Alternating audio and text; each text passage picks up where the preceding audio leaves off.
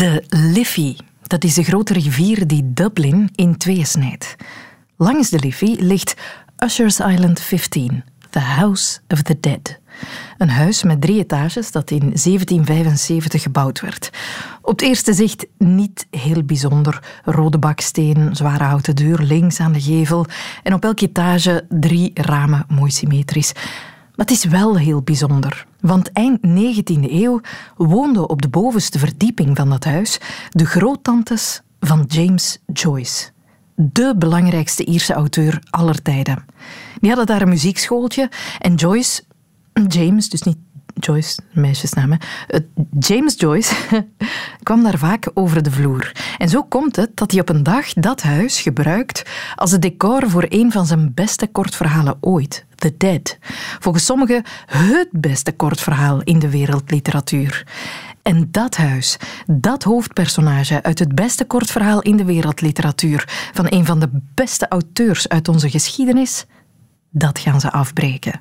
Een projectontwikkelaar wil daar een 56 kamers tellend hostel gaan neerpoten. Literair Ierland staat op zijn achterste poten, want is dit geen erfgoed? Waarom beschermt Dublin dit niet? En dat is een heel goede vraag. Welkom in de wereld van Sophie.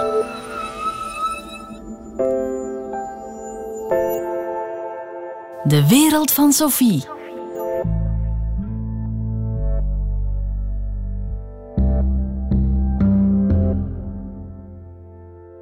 Erik Bindervoet heeft samen met Robert-Jan Henkes alles van Joyce vertaald. Hij kent het werk van binnen en van buiten. Hij houdt van het werk en hij is dus vanzelfsprekend ook ontzet over de plannen met dat House of the Dead. Uh, ja, dat, dat, is, dat, is, schandalig. Er, er, wordt al zoveel gesloopt en weggebroken. En eigenlijk is, is dit verhaal bij uitstek het verhaal wat ook gaat over herinneringen mm -hmm. en, en, het, en het verleden. En om dat zomaar uh, weg te slopen, waarschijnlijk zal uh, de gevel wel bewaard blijven, maar daarachter worden allemaal gloednieuwe super deluxe onderkomens voor de, de, de, de duurdere uh, gasten uit het, uh, uit het uh, toeristensegment ondergebracht. Mm -hmm. dat, en dat, dat zou zonde zijn. Ja, dat... Ik, ik, het is misschien wel goed om dat verhaal even te zetten, hè? The Dead. Ja. Men noemt het een van de beste kortverhalen uit de wereldliteratuur. Waarover gaat het?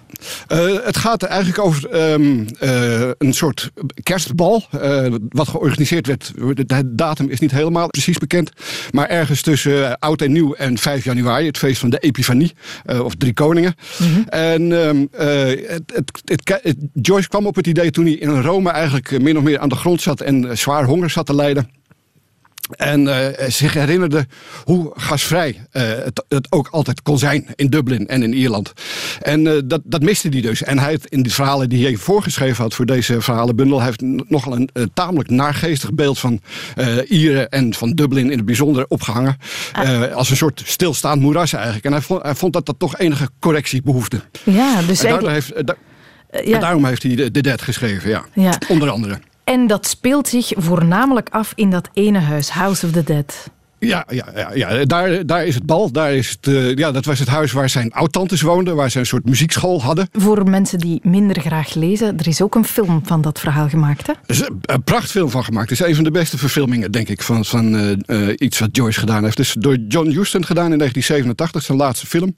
En het is, ja, daar, alleen al als filmlocatie zou het bewaard moeten blijven. Al zijn de interieurscènes ergens anders opgenomen, in Hollywood en Italië geloof ik. Maar de buitenkant is wel degelijk het huis Usher's Island nummer 15. Ja, tot voor kort kon je zelf in dat huis een, een soort kerstdiner gaan beleven. Ja, het was, het was min of meer opgekocht door een, een advocaat en een, een, een grote Joyce-fan. En die hield daar, uh, ja, er was een galerie was erin ondergebracht. En die hield daar jaarlijks een soort diner waar ook gedanst werd. En waar natuurlijk ook gezongen werd uh, op zijn uh, oud-Iers, zeg maar. Maar die, die man is helaas failliet gegaan. En daarna is het weer in de, in de verslopping geraakt. Is het weer aan het versukkelen geraakt. En ja, dat, dat gebeurt dan met monumenten. Op een gegeven moment staat er geen steen meer overeind. En dan kan je het net zo goed afbreken. Maar dus het is nu tijd dat alle Joyce-jaren Italianen ter wereld zich verenigen en uh, hier tegen opstaan. Ja, wilt u actie ondernemen? Ja, ja mijn lief woont in, in Ierland, in Galway. En we zijn samen zijn we aan het proberen een soort petitie op gang te brengen. hopelijk met medewerking van uw grote Joyce-geleerde Joyce Geert Leenhout, die momenteel in Canada verblijft. En ik hoop dat daar zoveel mogelijk handtekeningen komen, onder komen te staan. Het is een, een prachtig gebouw om het een culturele bestemming te geven. Mhm. Bijvoorbeeld een verblijf voor vertalers, om maar wat te noemen. U zit er meteen... Ik noem maar wat, hè? Eh, ja, ja, het, is maar, het is maar een ideetje. Ik kan maar proberen. Er is uh, kritiek dat Ierland slecht omgaat met zijn culturele erfgoed. Ja, nou ja. Aan de overkant uh, stond het Ormond Hotel, een belangrijke locatie in, in Ulysses. Uh, het elfde, elfde hoofdstuk, helemaal gewijd aan muziek, het Sirene hoofdstuk. En dat, uh, dat heeft men geprobeerd tegen te houden, maar is, ik ben er laatst toevallig langs gereden, of niet zo toevallig. Maar het, dat is inmiddels afgebroken. Dus ja. dat is alweer een locatie minder. En het woonhuis van Leopold Bloem, Eccles Street nummer 7, dat is al in 1968 ten prooi gevallen aan de slopershamer. Ja, de, ja het, het, wordt steeds minder. Er wordt natuurlijk veel, veel gesloopt. En wat wat er voor in de, plaats komt, is niet per se mooier. Ook dat nog. En uh, het is eigenlijk zo mooi om, om, dat, uh, om die sfeer te kunnen uh, beleven als je in Dublin bent. we hebben Finnegan's Week vertaald zonder ooit in Dublin geweest te zijn. Dat kon nog net. Maar voor Ulysses, om Ulysses te vertalen, was het zo goed om die sfeer en de geuren te kunnen ruiken. En de, het gevoel van richting te krijgen als je door de stad loopt. En, en af en toe inderdaad die dingen zien die er gewoon toen ook nog waren. Ja. En, ja, in dit huis dit huis is zo, zo bepalend voor dat verhaal ook. De hele sfeer en de stemming. Het is, uh, ja, zoals, in, zoals gezegd, inderdaad een van de schitterendste verhalen uit de wereldliteratuur. Het, het, het, zou echt een schande zijn als dat verloren ging. Of opgeofferd werd aan dat grote geld waar al zoveel aan opgeofferd wordt. Hebben we het nog niet eens over de natuur. Laat ons hopen dat uh, die petitie van u iets kan veranderen. Hè? Ja, daar gaan we ons be uiterste best voor doen. Ja, ik duim voor u en voor al die uh, James Joyce-liefhebbers in de wereld. En dat zijn er wel wat, hè? Ja, ja, ja, ja. De plek die voor zoveel mensen emotioneel zoveel betekent, blijkt voor anderen gewoon een oud huis dat dringend opgekalefaterd moet worden, dat er maar wat shovel bij staat. In Drogenbos is ook zo'n verhaal. Langs de oude baan, recht tegenover het gemeentehuis, staat Café Oud Drogenbos. Een café dat meer dan 100 jaar oud is, met al even oude muurschilderingen en een prachtig authentiek interieur, zo'n echt volkscafé. U kent het misschien zelfs, want Stromae nam ooit daar de clip op van zijn doorbraakhit Alors on danse. Maar het staat leeg. Het is afgeleefd en dus is het verkocht om plaats te maken voor een nieuwbouwproject. En dat maakt een pak mensen heel ongelukkig. Brecht de Volderen sprak er met Steve Robaert, gemeenteraadslid voor Go 1620, Hilde Jacquemin van de Heemkundige Kring Sika Silva en buurtbewoner en huisarts op rust André Lermino. Staan naast een, eh, een beetje een vervallen pand. Er hangt een bord op Oud Drogenbos. Uh, er groeit uit een toch al afbladerende dakgoot een, een, een bompje. Wat denkt u als u dat bompje ziet? Dat al lang geleden is dat er hier nog iets gebeurd is aan dat gebouw. Want ik ben eigenlijk de achterkleindochter van de, degene die het gebouwd heeft. Trouwens, de naam staat nog, mijn familienaam, staat nog, kun je nog eigenlijk zien op de gevel. Alles is afgesloten, de deuren zijn dicht, um, gordijnen, alles uh, afgesloten. Hoe moet ik mij het interieur voorstellen? Het interieur is wel nog eigenlijk het, het oude interieur voor een groot deel toch, denk ik. De, de toog is nog, veronderstel ik, de oorspronkelijke toog. En langs de muren, dus bovenaan, boven de lambrisering, zijn er uh, schilderingen, schilderijen, muurschilderijen. Met zichten van Drogenbos, dus de kerk en de pastorij en zo van die dingen. En blijkbaar zou dat een klant geweest zijn die dus heel graag pintjes dronk, maar die ze niet kon betalen. En die dus ja, betaalde met een muurschildering. Drogenbos heeft, als je het goed rondkijkt, wij hebben geen kastelen. Ja, eentje natuurlijk, het kasteel van hè, de familie Kalmijn, dat trouwens op dit moment leeg staat, denk ik. Uh, wij hebben dan uh, voor de rest eigenlijk geen villawijken. We hebben gewoon burgershuizen. Dit is een heel klassieke, klassieke gemeente met gewoon maar burgershuizen. U gaat er geen uh, huizen vinden waar ik weet niet wie woont. We hebben ook geen eh, geen bekende figuren van vandaag in Drogenbos. We hebben geen wielrenners, we hebben geen journalisten, we hebben, we hebben gewoon niks. Drogenbos heeft niks. Enkel het cafeetje Oud Drogenbos. Ja. En dat zou moeten, als het kan, zou het liefst bewaard blijven. Maar hm, ik denk dat uh, uh, de beslissingen al zo ver genomen zijn dat er waarschijnlijk geen weg terug is. Ik vrees ervoor. Elke vergadering van de gemeenteraad of naar het Schepencollege, daar komt je mensen hier vinden. Hè. Dus, maar het was niet meer leefbaar. En de, de mensen die het deden, plus hadden dan het nadeel. Uh, de eigenaar had zijn grootmoeder. En dat was een heel sympathieke dame. En die zat daar altijd aan een toog. En iedereen kende haar. Hm. En als de zoon of, of de kleinzoon geen tijd had, dan kon zij even inspringen. Ja, voor een pintje te dienen kon ze dat makkelijk doen. Zij is dan gestorven een jaar of drie, vier geleden. En dat is natuurlijk helemaal naar beneden gegaan. Hè. Steve is van de erfgoedcel uh, Sika Silva. Ja. Een heel charmant plekje. Hè. Je, kunt daar, je kunt daar niet om uh, als je een beetje authenticiteit en, en, uh, en de sfeer van vroeger wilt opsnuiven. Is dat hier een perfecte plek geweest. Hè. Hier waren heel wat, wat cafés in Drogenbos. Op een bepaald moment waren er meer dan 50 cafés. Nu hebben we er nog twee. Hm. Dus daar op het hoekje. En nee, zeg maar één meer. Waar echt een volkscafé waar nog kan gaan een pint drinken, al de rest restaurants en, en alle, alle dingen samen. Zo, hè. Je dacht dat er nog twee cafés waren, maar je had deze meegeteld misschien.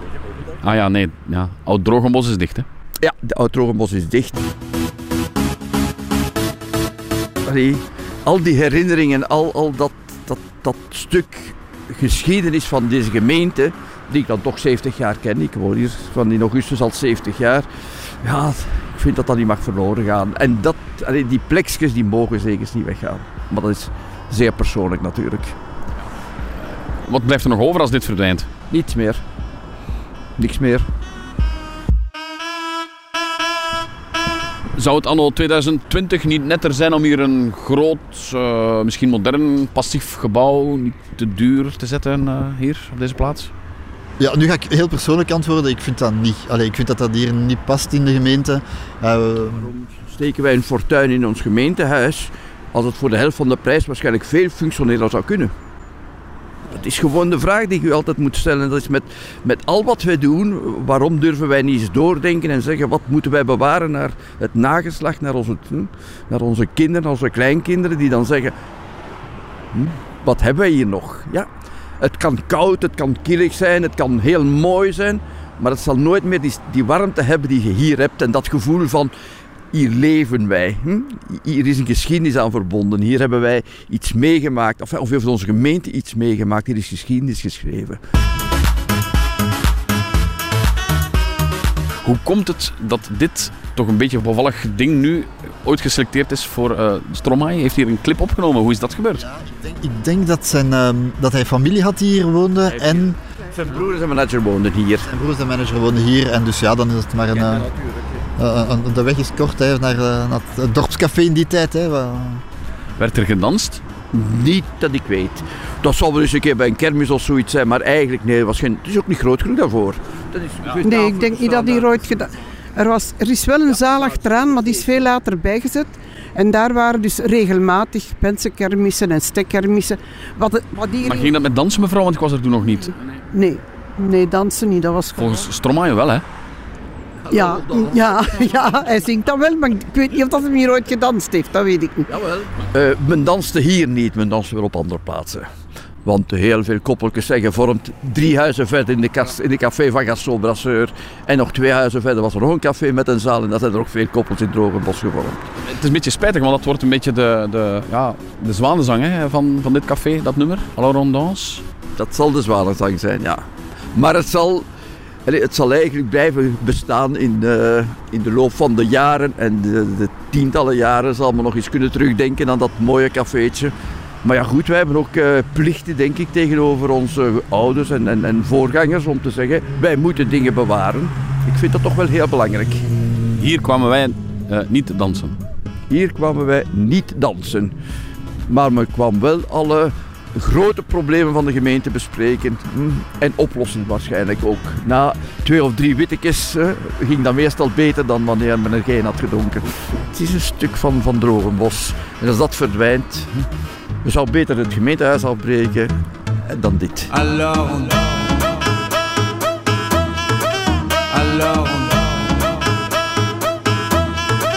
Alors Qui dit dit travail Qui dit taf te dit les thunes. Qui dit argent dit dépenses. Qui dit crédit dit créance. Qui dit dette te dit huissier. Lui dit assis dans la merde. Qui dit amour dit les gosses. Dit toujours et dit divorce. Qui dit proche te dit deuil Car les problèmes ne viennent pas seuls. Qui dit crise te dit monde. Dit famine dit tiers-monde. Et qui dit fatigue dit réveil. Encore sur de la veille. Alors on sort pour oublier tous les problèmes. Alors on danse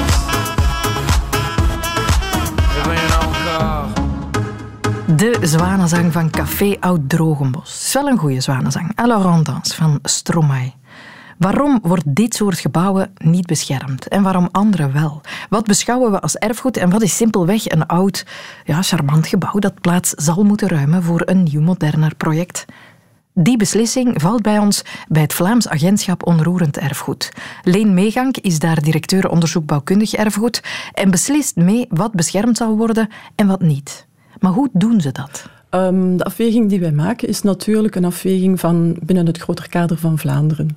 Um, en daar proberen we te zorgen dat de, de grote verhaallijnen van wat is de geschiedenis van Vlaanderen, wat is het erfgoed van Vlaanderen in heel, al zijn diversiteit, dat we daar de juiste zaken gaan uitpikken om dat uh, statuut van monument aan toe te kennen. Eigenlijk kunnen we jullie zien als een soort verzamelaars. Jullie hebben een verzameling en daar moet een lijn in zitten, daar moet een ja. verhaal in zitten. Wij, wij spreken van, uh, of waar wij naar streven, is een representatieve staalkaart. Hè? Okay. Dus een, een soort overzicht waar je kan zeggen van die grote verhalen hebben we gecapteerd, materieel, en die kunnen we terugvertellen aan de hand van mm -hmm. die gebouwen of sites. En waar, waar hechten jullie zoal belang aan? Hebben jullie waarden waar dingen aan getoetst worden? Ja, Um, die waarden zitten ook in onze wetgeving uh, waarmee wij mee werken. Dat is een, een lijst van 13 waarden. Dat gaat over uh, artistieke waarden, historische waarden, wetenschappelijke waarden. Um, ik ken ze niet alle 13 van waarden, architecturale dat soort. waarden. Uh, volkskundige waarden zit daar bijvoorbeeld ook bij. Um, emotionele waarden? waarden? Nee, geen emotionele waarden. Dat is natuurlijk ook heel moeilijk om dat uh, objectief te maken, een emotionele waarde. Dus we proberen in ons oordeel zo objectief mogelijk uh, te zijn. Ah ja, oké. Okay. Emotionele waarde speelt officieel niet mee. Maar je merkt dat als het gaat over een aantal van dat soort gebouwen, dat het wel een heel emotionele zaak is ja. voor veel mensen. Ja. Hè?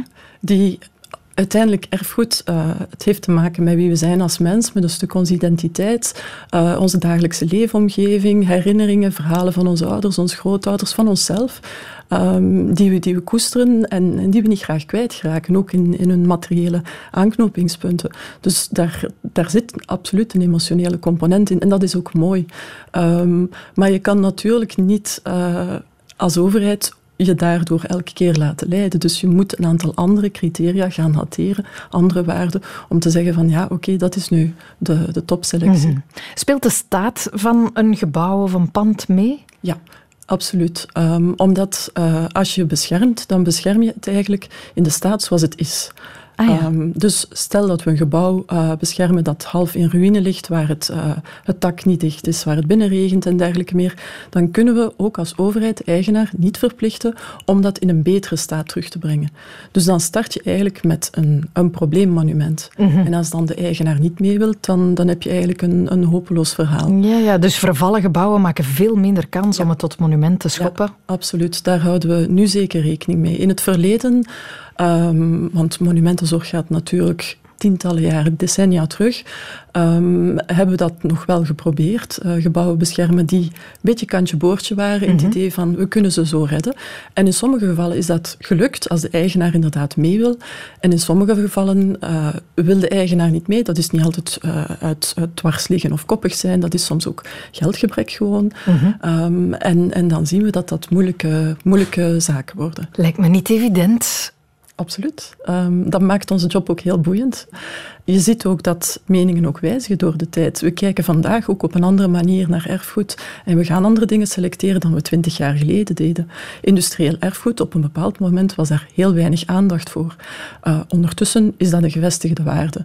Het afgelopen jaar hebben we gekeken bijvoorbeeld naar naoorlogsarchitectuur. Dat is betonarchitectuur, dat is brutaal, dat is niet evident naar sociale woonwijken ehm, allemaal interessante verhaallijnen van wat erfgoed in Vlaanderen is, maar niet altijd evident. Mhm. En dan voel je dat, dat ook intern in de ploeg, dat we daarin moeten groeien van ja, hoe kijken we daarnaar, welke waarde zit daarin, hoe gaan we daarmee om. Mhm. Waar ik bijvoorbeeld heel erg spijt van heb, is dat we nooit telefoonhokjes beschermd hebben. Ah ja. We hebben er geen één, ze zijn weg. Hier staat er nog één op de parking van de RTBF. Ah. Dus daar kan Nog je er misschien nog eentje gaan pikken. Maar in, in Vlaanderen hebben we ze niet meer. We, hebben het, we, zijn, we zijn het een beetje vergeten. We hebben het nu niet op tijd aan gedacht om het op te starten. En Ja. het is een herinnering, het is een verhaal. Je gaat aanschuiven eh, als student om naar je ouders te bellen, om naar je lief te bellen.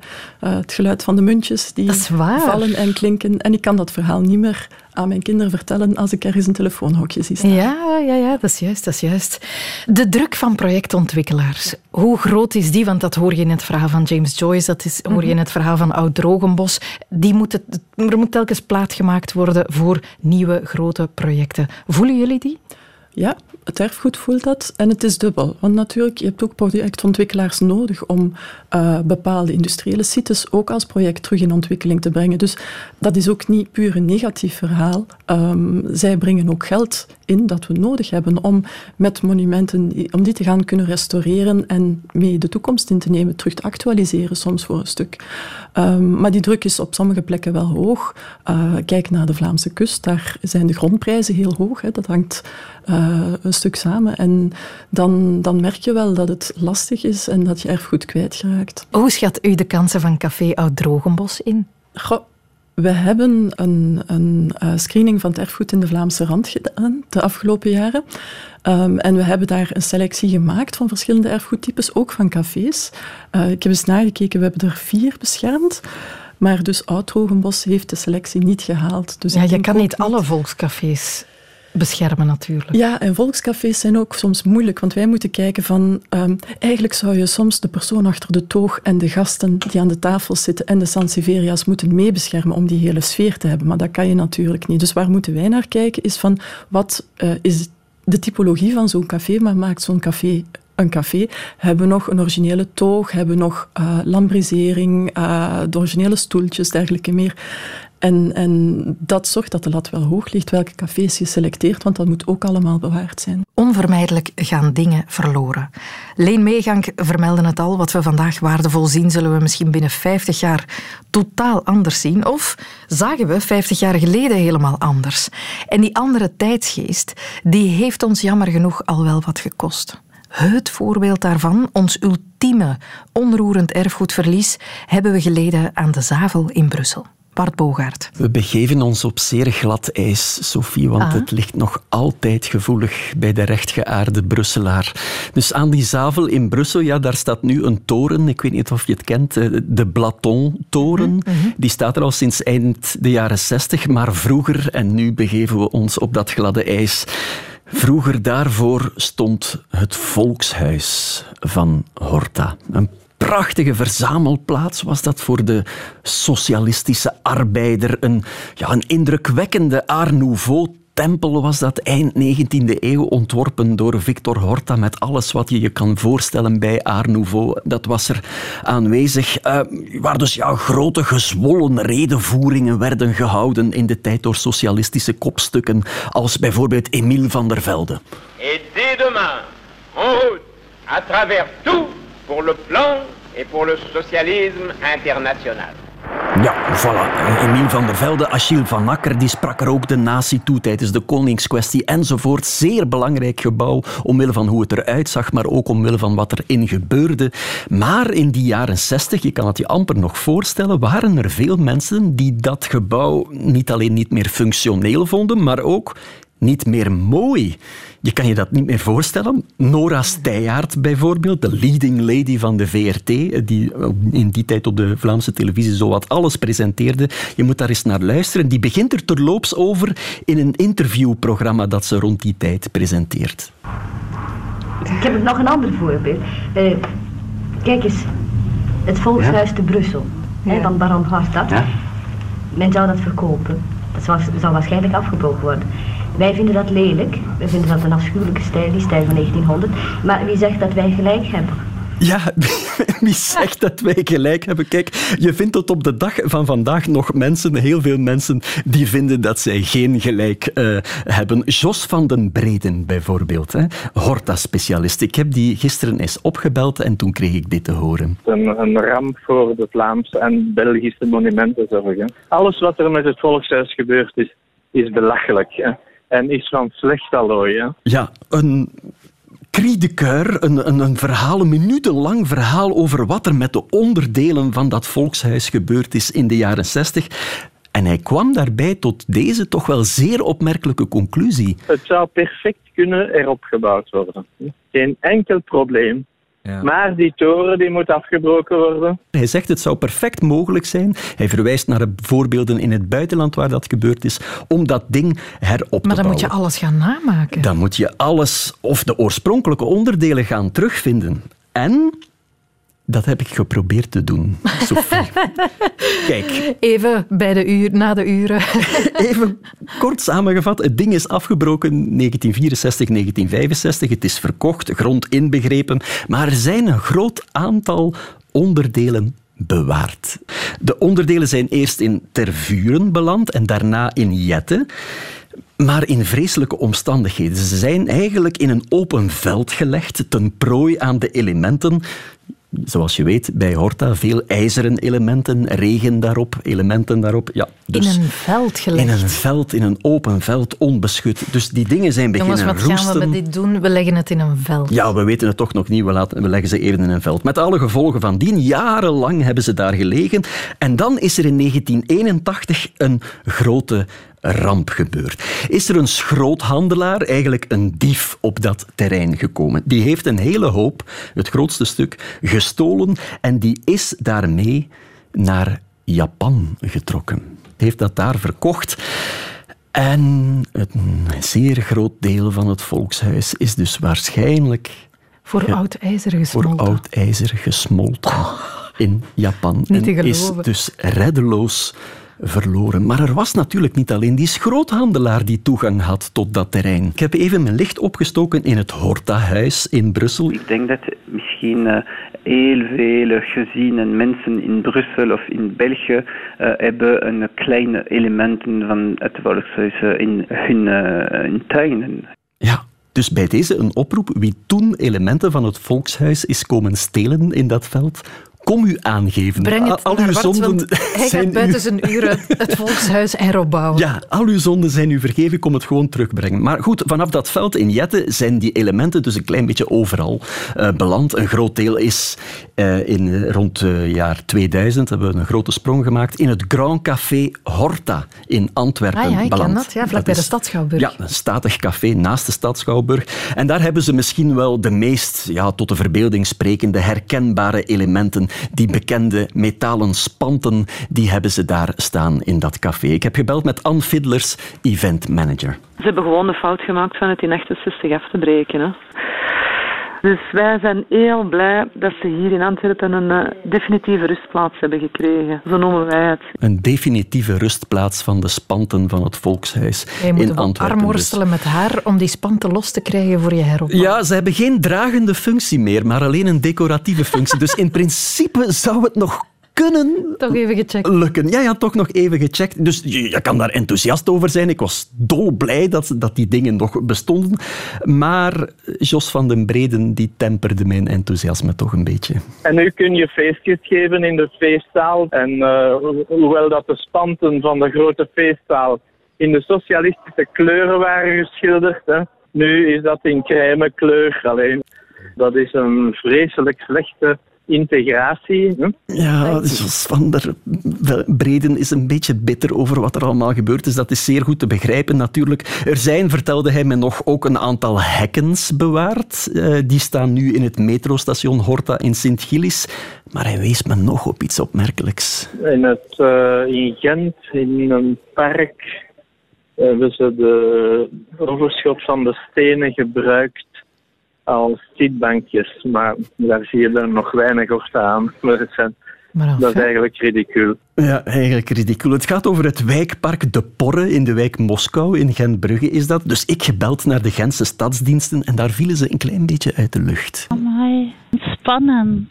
Ja, super spannend. Uh, dit is het verhaal in het kort, Sophie. Op een bepaald moment zijn een aantal elementen van het volkshuis in Gent beland. Horta was een geboren Gentenaar trouwens. Een paar stukken zijn tijdelijk opgebouwd op de site van Flanders Technology, maar een groot deel is in het bezit van het MIAT gekomen, die in die tijd een tijdelijk depot had in een gesloten textielfabriek op die site van De Porre. En bij de herbestemming van die site, toen het MIAT daar dus weg moest en een andere ruimte moest zoeken voor zijn oude stukken, hebben die herbestemmers die stenen mogen houden. En ik heb gebeld met een van die herbestemmers, stadsmaker Peter Gijs. En heeft de landschapsarchitect daar van die is daar creatief mee omgesprongen.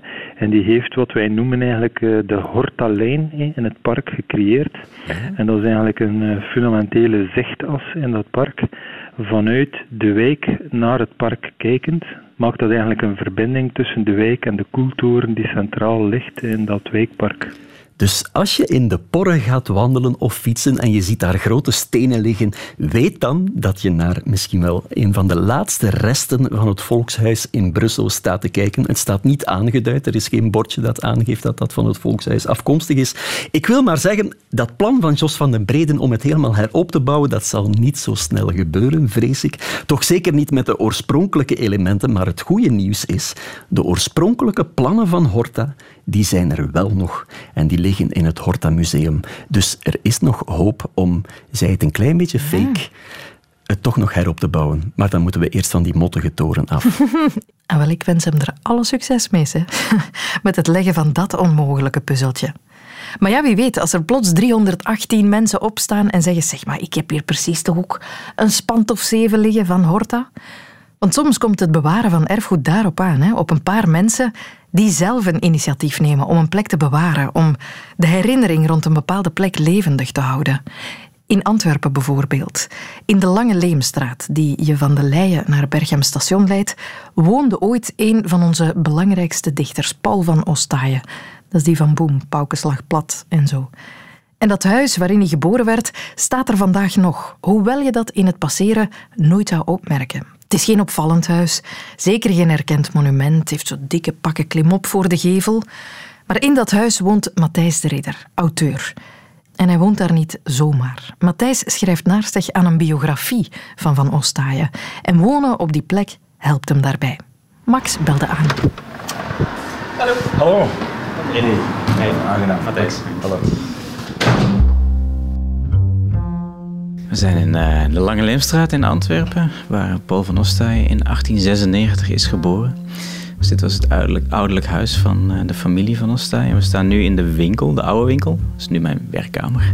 Dus er staan nu heel veel boeken, maar vroeger stonden er allerlei loodgieter... Uh, ja, dingen die je no nodig hebt bij loodgieterij. Dus de vader van Van Ostaaij was een loodgieter. het is nog steeds een hele slimme keuze als je geld wil verdienen. En dat is hem dus toen ook gelukt. En op een gegeven moment had hij een winkel met allebei benodigdheden voor eh, de loodgieterij. En dat was hier. Dus dit was de winkelruimte.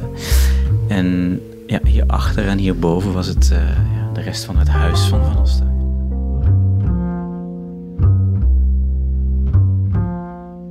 Dus als we een paar stappen verder zetten, dan zitten we in de oude zitkamer. Dit is misschien wel de ruimte die nog het meest uh, historisch is in het hele huis. Zo'n uh, oude parketvloer ligt hier nog de oude open haard, waar ik uh, me zo voorstel dat de familie van Ostaai om me heen heeft gezeten. Ja, je, je, kan ze bijna zien zitten zo, hè? Ja, ja inderdaad. Ik, ik stel me zo een paar van die oude van die leunstoelen voor en een, een, een, vuur uiteraard in de haard. Ik zie daar ook een, een, een naaimachine. Is dat een Singer? Of, uh, ja. ja, het is niet het Singer naaimachine, want het staat ergens anders. Maar op een gegeven moment is een van de buurtbewoners is, heeft eens een keer aangeklopt en die heeft gezegd van kijk, ik heb nog een Singer naaimachine. Volgens mij moet dat bij jullie staan. En nu staat het er dus nog steeds. Het hoort een beetje bij het huis.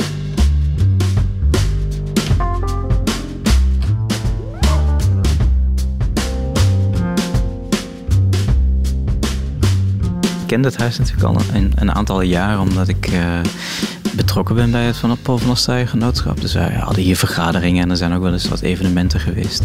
Um, en op een gegeven moment bleek het te huur te zijn. Dat wist ik eigenlijk helemaal niet. En uh, ik wist eigenlijk niet dat ik uh, graag wilde gaan verhuizen. Maar dat bleek toch zo te zijn. En ik heb al eerder tegen mensen gezegd die met een verwonderde blik me hebben gevraagd van waarom gaat de biograaf van Van Ostaaij nu in zijn huis wonen? Ehm, Nee, dan zeg ik al, als Van Ostaaij in een grot zou zijn geboren, hè, wat op zich de mythe van Van, van als dichter groter zou hebben gemaakt, uh, dan was ik er niet gaan wonen. Het is wel echt, uh, omdat het een goed huis is om te wonen, dat we uh, ook de beslissing hebben genomen om hierheen te gaan. Maar tegelijkertijd is het natuurlijk wel een enorm, ja, meer dan een toeval. Het is een, een enorm voorrecht om op zo'n plek te kunnen gaan wonen en ook te gaan werken aan die biografie.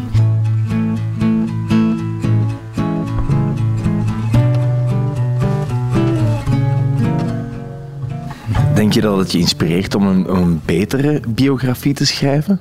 Uh, op punten in ieder geval een andere biografie. Ik weet, er zijn sowieso al een paar zinnen die nu op papier staan die gaan veranderen.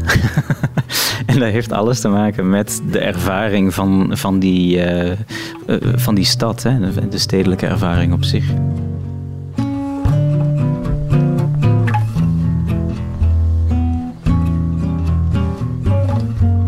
En als we dan naar boven gaan, kunnen we wel, uh, via wat nu een dakterras is, kijken naar de achterkant van het voorhuis. En dan kunnen we misschien de slaapkamer van Van Osterij nog zien. ja.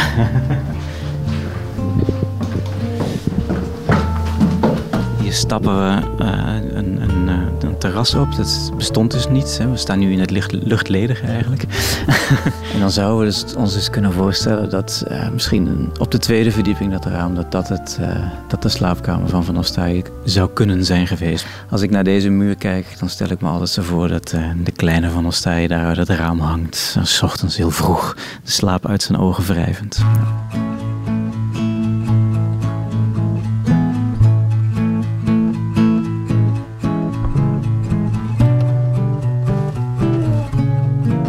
Belangrijk is dit huis voor je? Uh, ja, nu natuurlijk heel belangrijk, anders dan zou ik weer moeten gaan verhuizen. maar ook als cultureel uh, uh, ja, plek van herinnering noemen we dat misschien dan wel, is het denk ik wel belangrijk. Hè? Want de literatuur is iets dat je op een aantal manieren concreet kunt maken. Schrijvers schrijven natuurlijk boeken en die kun je vasthouden. Um, maar tegelijkertijd is een schrijver iemand die op een heel losse manier werkt aan iets dat we dan culturele identiteit noemen. Maar daarom is het heel belangrijk om ook gewoon in de wereld, in zijn stad, een aantal punten te hebben om naar te kunnen wijzen, om, om uh, die figuur uh, aan op te kunnen hangen. En dan er zijn er twee manieren om ernaar te kijken naar zo'n huis. Het blijft natuurlijk een verzameling van bakstenen en hout en glas. En, en op die manier is het niet meer dan, uh, om het even welk ander huis hier in de buurt of waar ze dan ook maar staan. Maar tegelijkertijd is het wel belangrijk, denk ik, om dit soort van ankerpunten te hebben in onze cultuur. Uh, al was het alleen maar omdat het anders een heel even meer gesprek wordt. Hè. We, gaan, we hebben het dan alleen nog maar over ideeën. Tegelijkertijd is het natuurlijk gewoon heel erg belangrijk om te zien van de schrijvers die wij belangrijk vinden, die hebben ook gewoon in onze wereld geleefd, namelijk daar.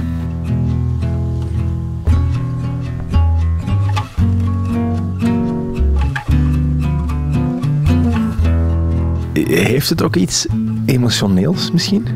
Ja, voor mij wel, ja, ja. En ik merk ook uh, heel veel mensen aan wie ik het vertel. Sowieso vinden ze het heel raar natuurlijk. maar ook wel, uh, wel geweldig. Hè, dat als je aan zo'n boek bezig bent, dat je dan ook gelijk zo dichtbij, hè, fysiek dichtbij je onderwerp uh, kunt komen. En dan merk je toch wel dat het voor heel veel mensen wel heel erg bijzonder is om op zo'n plek te zijn waarvan je heel zeker weet dat de dichter hier ook heeft rondgelopen. Uh, en dat is inderdaad iets emotioneels, want als je het gaat rationaliseren, dan kom je nergens meer. Het is juist het verhaal. Het is het verhaal van het leven en het is het verhaal van het oeuvre.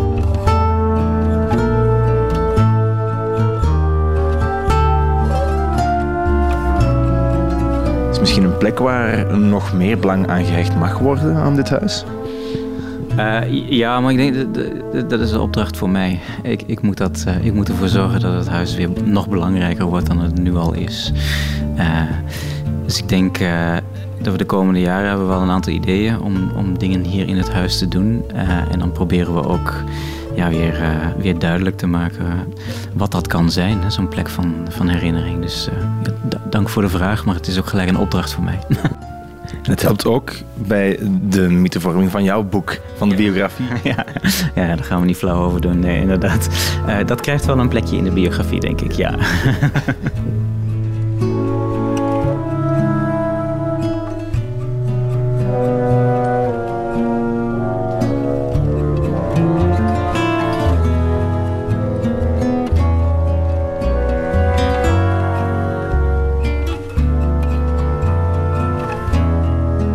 Paul van Ostaayenhuis wordt voorlopig beschermd door een inwonende fan.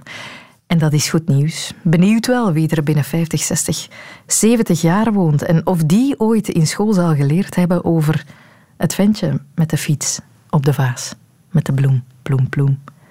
En de stoel naast de tafel en het brood op de tafel en het visserke vis met de pet, pet en pijp van het visserke vis. Goeiedag. Dag vis. Dag lieve vis. Dag klein visselijn mijn.